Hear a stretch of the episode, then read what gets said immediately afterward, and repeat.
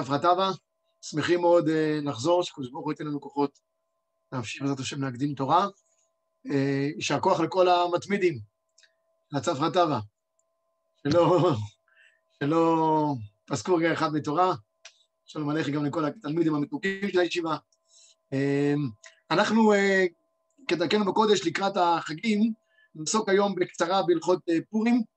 אני אעשה איזשהו תקציר ככה של חצי שעה בכל ענייני הפורים, ואם ירצו לשאול שאלות, אני בסוף, שלוש דקות יש לי לשאול זמן שאלות, או באמצע, אם מישהו רוצה לשאול גם באופן אה, מיוחד, אז בשמחה רבה. אנחנו אה, נמצאים השבת לקראת שבת זכור הבא עלינו לטובה.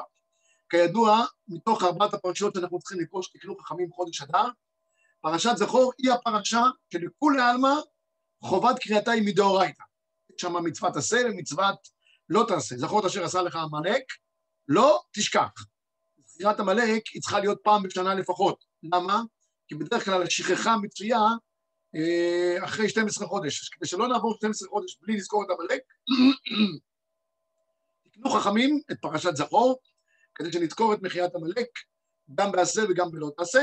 כמובן שמי שלא הצליח לקרוא בפרשה הזאת, מסיבה כזאת או אחרת, יש לנו בישיבה חבר'ה בצבא, מקווים שלכולם יהיה איפה שנמצאים במקומות הנידחים ספרי תורה, אז אפשר לצאת ידי חובה גם בפרשת כי זה אה, כך או כך, בלבד שנכוון לצאת ידי חובת מצוות מחיית עמלק.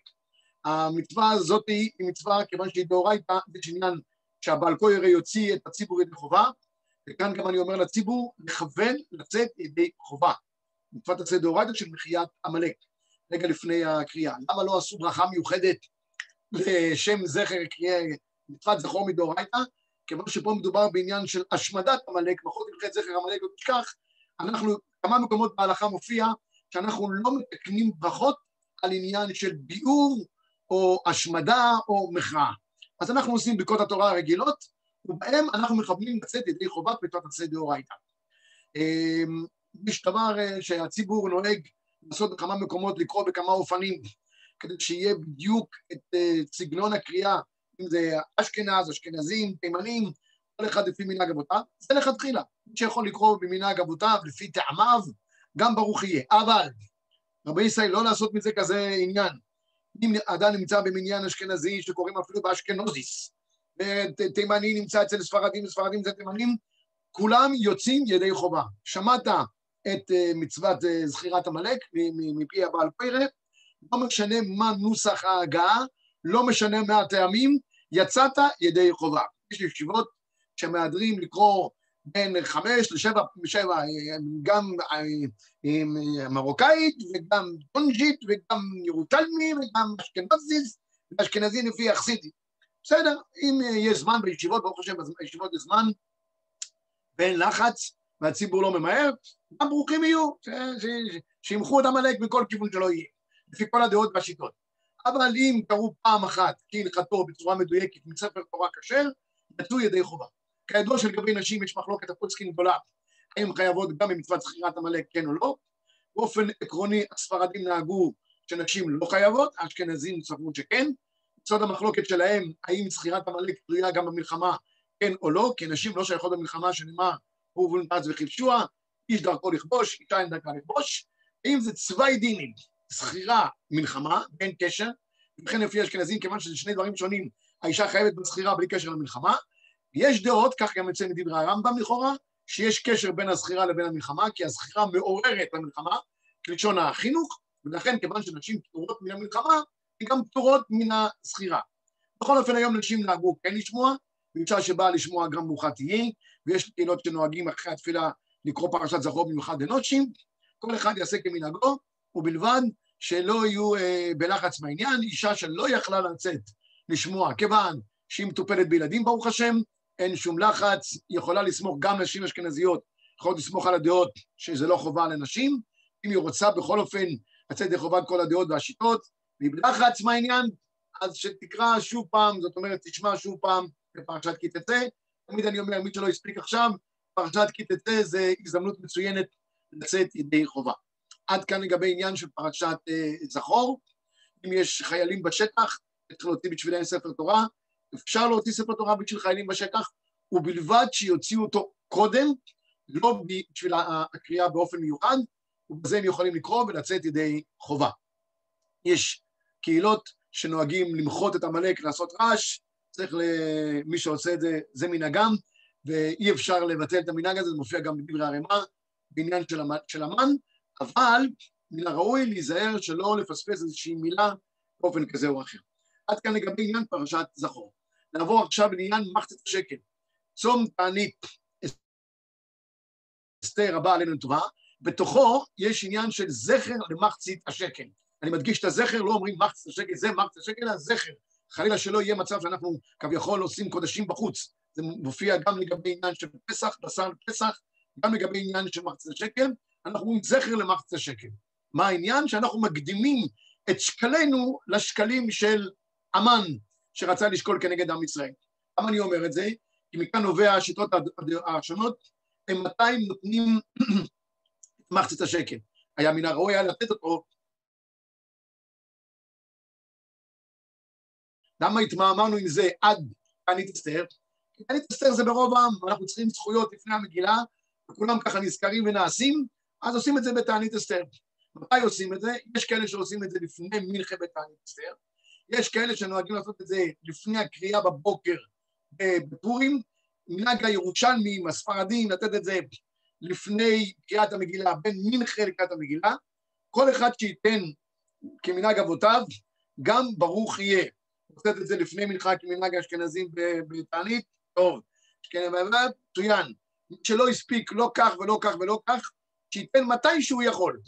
ובלבד שייתן לפני ראש חודש ניסן, כי אז היו אוספים את כל השקלים לצורך קורבנות ציבור. אז זה, זה, זה המנהג. כמה צריכים לתת? שני מנהגים. יש מנהג אחד, בעיקר של האשכנזים, לתת מטבע של מחצית, חצי בו, הנהוג באותו מקום, חצי שקל, חצי שקל. אם אתה נותן חצי שקל, גם טוב. יש, הרמ"א מביא שיש כאלה שנוהגים לתת שלוש מחציות שקל, שקל וחצי, רבי ישראל. למה? כי כתוב בפרשה של עניין של, של מחצית השקל שלוש פעמים מחצית. שלוש פעמים מחצית, שלוש מחציות. בסדר, גם טוב. יש כאלה שנוהגים לתת עשר גרם כסף צרוף, 9.6 יותר מדויק, זה בעיקר מנהג הספרדים, יש כאלה שנותנים עם מע"מ, יש כאלה שנותנים בלי מע"מ, הרב אליהו אומר עם מע"מ, יש כאלה שנוהגים לתת בלי מע"מ, והחילוק הוא, עם מע"מ נותנים רק כשנותנים דברים מסחריים, פה זה לא מסחר, זה רק אה, שווי הדבר עצמו. כך או כך, יוצא היום שהמנהג הוא בלי מע"מ זה 26 שקל, עם מע"מ כמדומני זה 29 שקל, כל אחד ייתן כפי יכולתו. זאת אומרת, מי שלא יכול וקשה לו עכשיו, בגלל הקורונה, כל אחד לפי מצבו הכלכלי, אם הוא ייתן מחצית בלבד, תגיד לכם מצב שקל, גם ברוך יהיה. שלוש מחציות, גם ברוך יהיה. הקדוש ברוך הוא אפשר לו, יכול לתת יותר, שייתן, שייתן כדבעי בערך 30 שקל,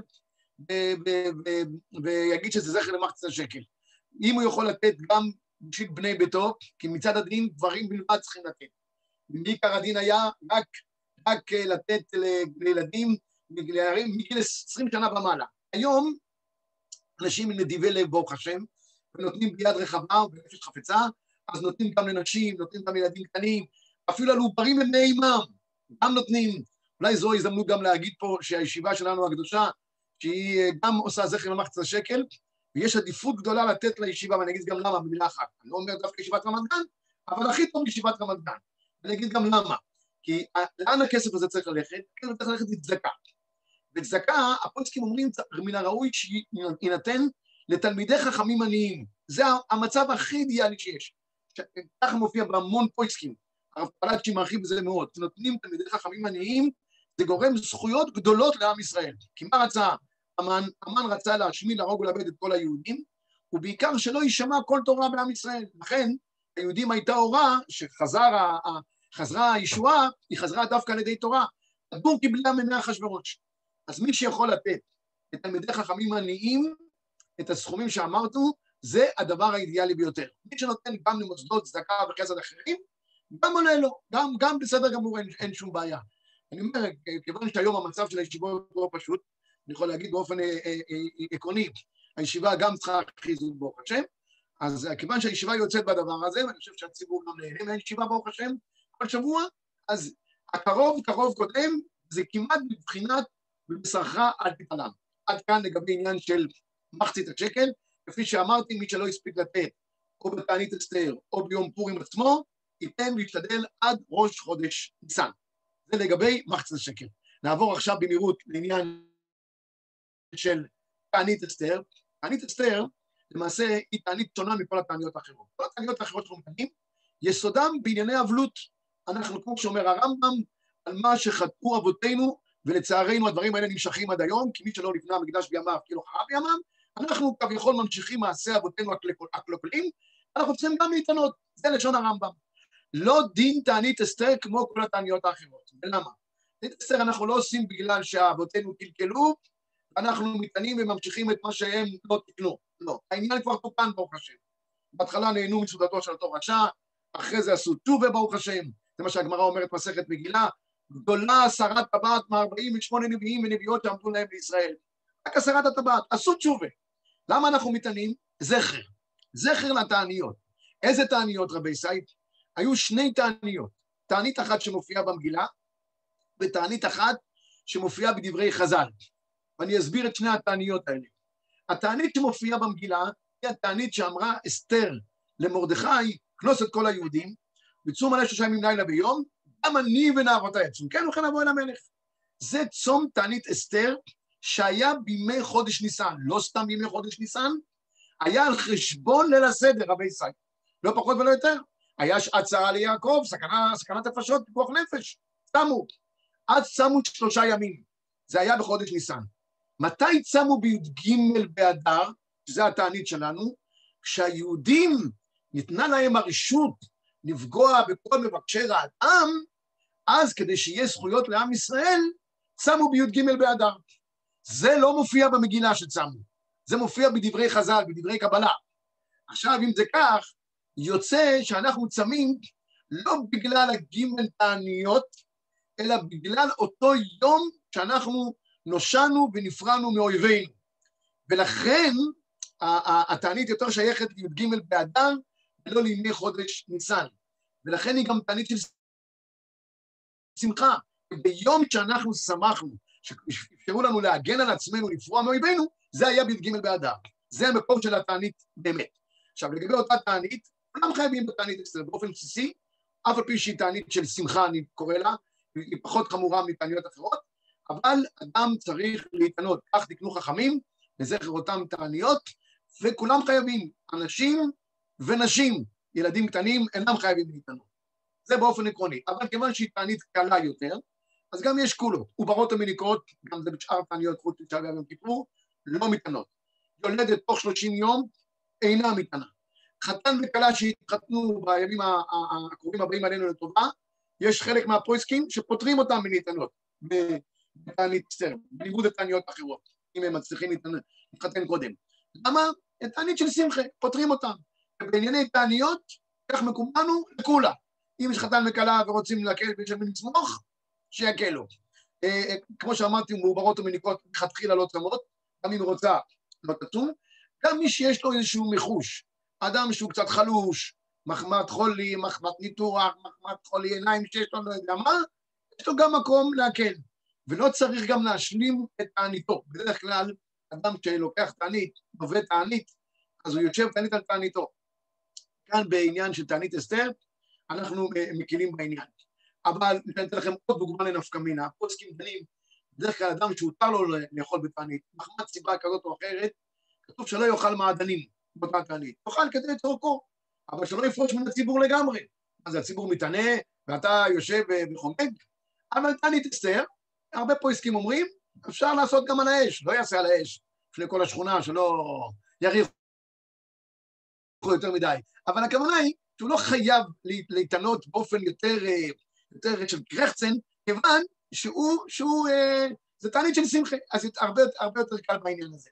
טוב, זה לגבי עניין של תענית אסתר. עוד מילה אחת חשובה, לגבי כל התעניות, מי שרוצה לאכול קודם התענית בלילה לקום מוקדם, מי שמסוגל, אז חייב להתנות לפני שהוא הולך לישון, שהוא רוצה לקום ולאכול לפני עלות השחר. מי שרוצה לאכול פת צריך לאכול חצי שעה לפני עלות השחר. מה, מה זאת אומרת להתנות?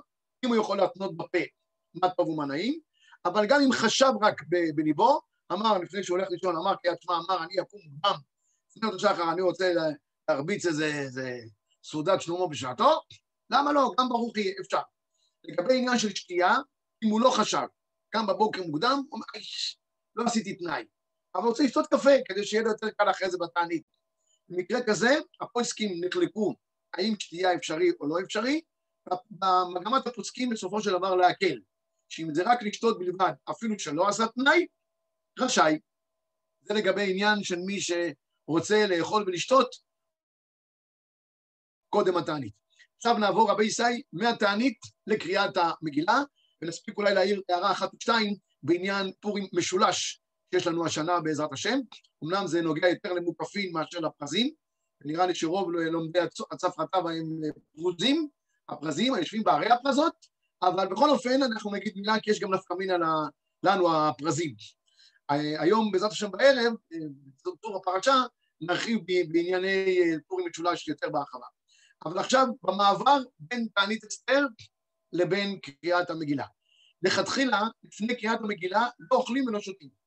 לא בליל התן, לא בליל פורים, לא גם בבוקר שקוראים את המגילה. למה? כי לפני כל מצווה לא אוכלים ושותים. ולכן, באופן העקרוני, היה מן הראוי להמשיך את התענית עד סוף קריאת המגילה בליל פורים. כך היה ראוי לכתחילה לעשות. אלא מאי, פה אני אומר דבר חשוב, ירדה חומשה לעולם. יש אנשים שלהמשיך עוד שעה, שעה וחצי את הצום, קשה להם.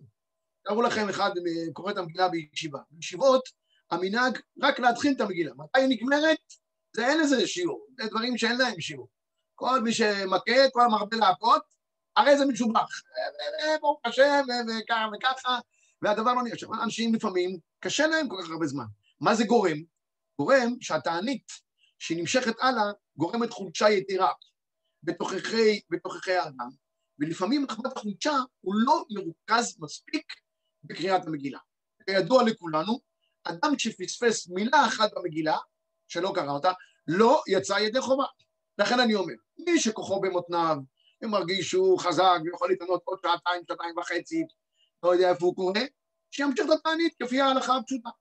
אבל מי שמרגיש חולשה, ומרגיש שהוא אה, אה, מעורפל, ולא יכול אה, לקרוא את המגילה בריכוז באופן כזה או אחר, מן הראוי שישתה משהו עם סוכר כדי שיחזיר לעצמו את נפשו, לאכול עדיף לא לאכול, אם הוא רוצה לאכול, אם זה מזונות עד קבצה, אכילת ארעי, ויותר מזה, אם הוא רוצה לאכול פרי או איזה ממתק, לזה אין שיעור באופן עקרוני, אבל גם לא ירבה, לא ימלא קרסות, יאכל איזה ממתק או איזה פרי כדי להחיות את נפשו, ישתה משהו עם סוכר, הדבר הזה אפשרי. אפשרי למי שמרגיש חולשה ומרגיש אה, רפיון, רפיון כוח, וזאת במטרה כדי שיוכל לצאת ידי חובה בקריאת המגילה כדבעי.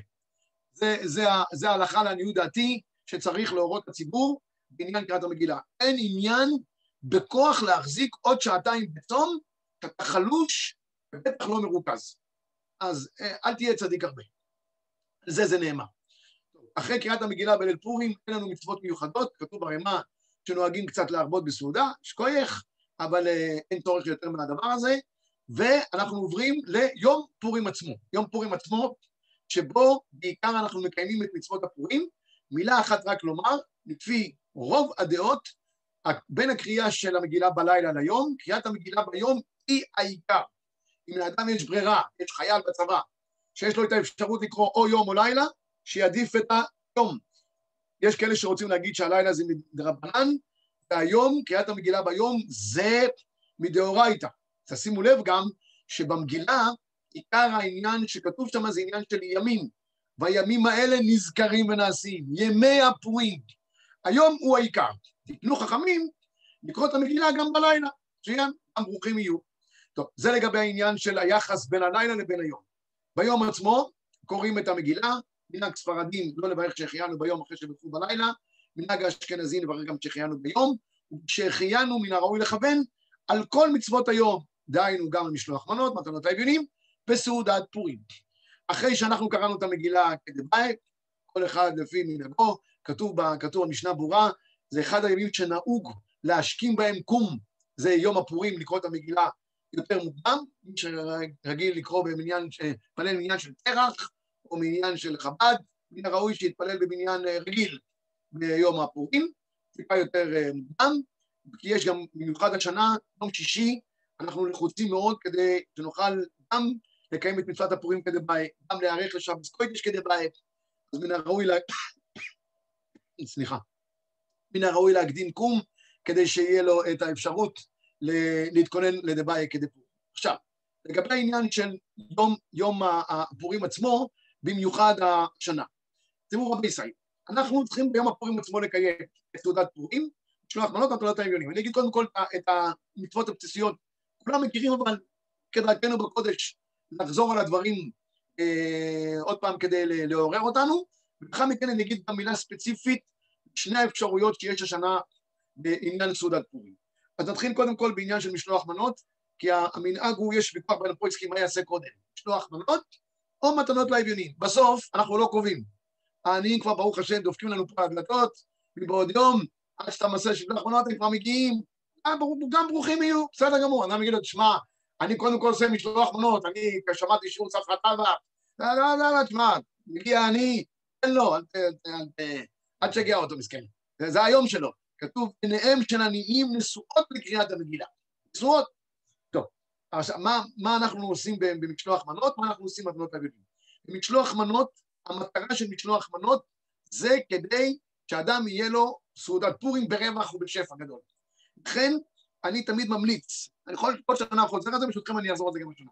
אני ממליץ לעשות משלוח מנות אחד כהלכתו לגמרי. אחרי זה כל המסחרה של המשלוח מנות. ממתקים וכל מיני מנצלח, בסדר, הכל טוב, זה יפה בשביל להרבות אהבה ואחווה שלום ורעות. אבל משלוח מנות אחד שיהיה כדי בית, שיהיו בו שתי מנות של אוכלים, אוכלים, לא אוכלים של, אה, כן, כל מיני עדות שנותנים דברים בלתי מזוהים. אני מתכוון שייתנו לחמניה כדי בית, שיהיה מנת בשר טובה, לא יודע, איזה מנה של דגים, מבושלת, להשקיע בזה קצת. יש כאלה שהולכים טחינה עם אה, עם עוד משהו, בסדר, מצוין. שתי מיני אוכלים שראויים לסעודת פורים, ואוכלים חשובים, לא סתם דברים בעלמא. מן הראוי, אני יושב ואומר, את, את המנה האחת, את המשלוח מנות האחד האידיאלי על פי ההלכה. אחרי זה כל אחד יעשה כמו שהוא רוצה. אז אם אני מכנס את כל השיטות ביחד, שתי מנות אוכלים חשובים, מוכנים לאכילה לסעודת פורים, שיהיה לסעודת פורים, שתי המנות, כל אחד יהיה בכלי נפרד, לא לשים צלחת ולשים גם את הלחמנייה וגם את הקציצת דגים או אני לא יודע מה, את הקישואים שם שמים, אלא כל אחד במנה בפני עצמה. צריך להיות שתי מנות לאדם אחד, נכון? לשלוח מנות איש לרעהו, אז שיהיה בצורה הזאתי, איש ייתן לאיש, אישה תיתן לאישה. אפשר גם לשלוח אבל במשלוח מנות אישה לא שולחת לאיש, מישהו שולח לאישה. יש גם מי ששולחים משפחות, משפחת uh, זרוצקי למשפחת מועלם. לא משפחות, רבי ישראל. במשלוח מנות האידיאלי, מוישה זוכן שולח לגדי, uh, uh, והאישה, שושנה, שולחת לרחל. אישית. משלוח מנות אישי, איש לאיש, אישה לאישה. מצוין.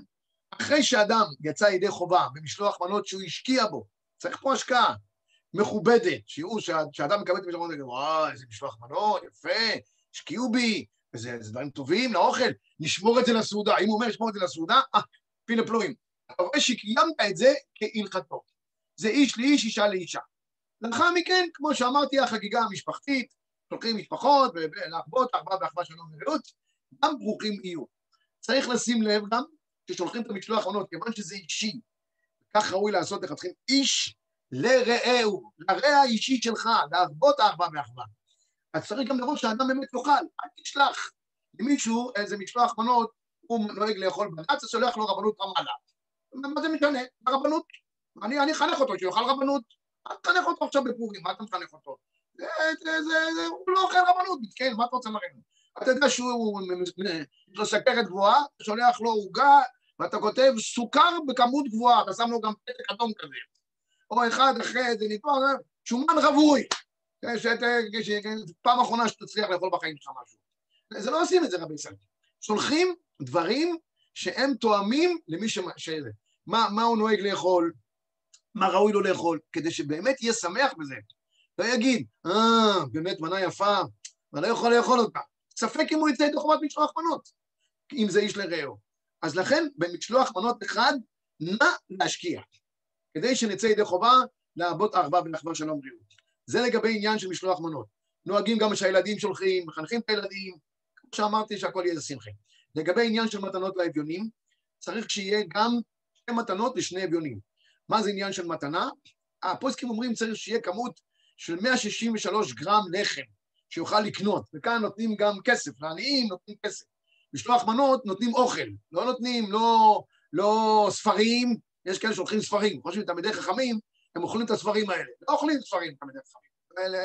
הם הלכו לחמו ולחמו, שטויין מסכתי, הם גם, גם הם צריכים לאכול. אז משלוח מנות, אוכל. מתנות לאביונים, כסף. כמה שיעור של כסף? היום זה לא צריך להיות כך הרבה, אבל בזמנו דיברנו עם הרב אריה, צריך שיהיה, לקנות מנה, מנה פלאפל עם שתייה. מנה פלאפל לא של בני ברק, בשבע שקל, שזה לא ראוי לאכילת אדם. אני מדבר למשהו שהוא טיפה יותר אה, נורמלי, אתה יודע כמה עולה מנה, 12, 13, עם שתייה, 20 שקל לשני עניים, מצוין. עכשיו, תשאלו אותי מה זה עניים? תראו, יש דין בפורים, בניגוד ללכות צדקה באופן כללי, שלא נותנים, למי שפושט יד נותנים לו. נותנים לו, לא עושים חשבונות. אבל, אבל בפורים צריך שיהיה שני עניים באמת עניים, חוץ מזה כל מי שדופק בדלת, תן לו משהו.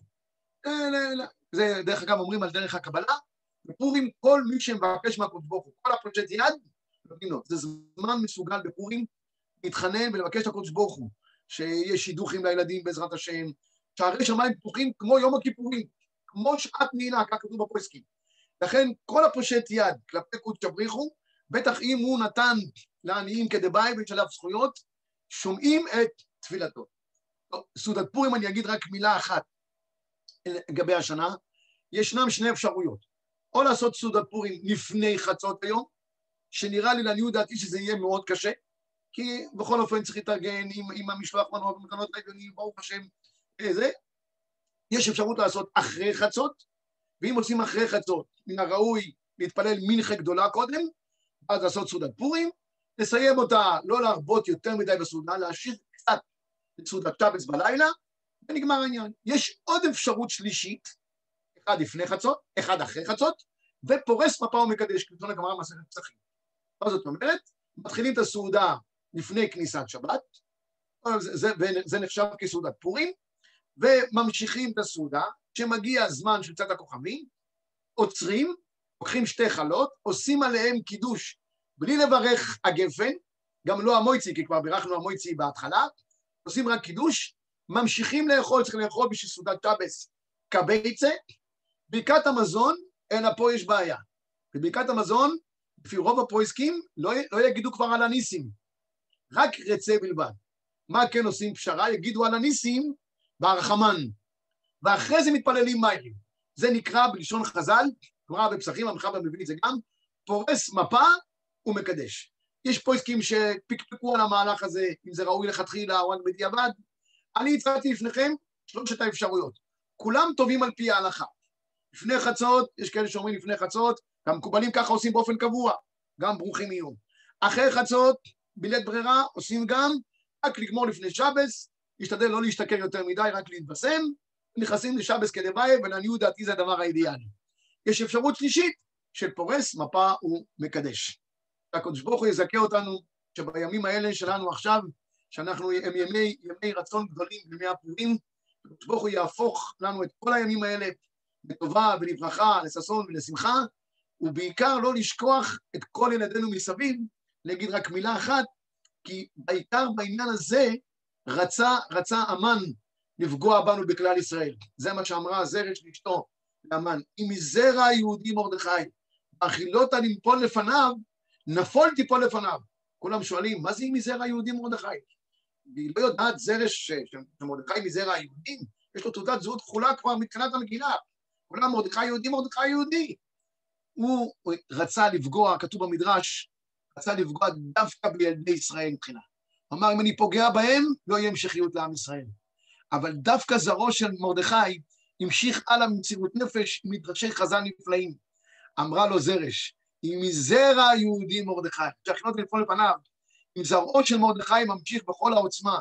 יש תלמידי חכמים, יש ישיבות שיושבים ועוסקים בתורה, מגדלים בדורות הבאים, האכילות הנמפול לפניו, נפול תיפול לפניו. לכן אומר המחבר, מעבדים להביא תינוקות של בית רבן, בבית המדרש, שמוע מקרא מגילה, למה? כי הכל תלוי בהם. שנזכה בעזרת השם, שיהיה לנו פורים שמח, לנו ולכל ישראל, ולכולנו תהיה אורה ושמחה וששון ועיקר.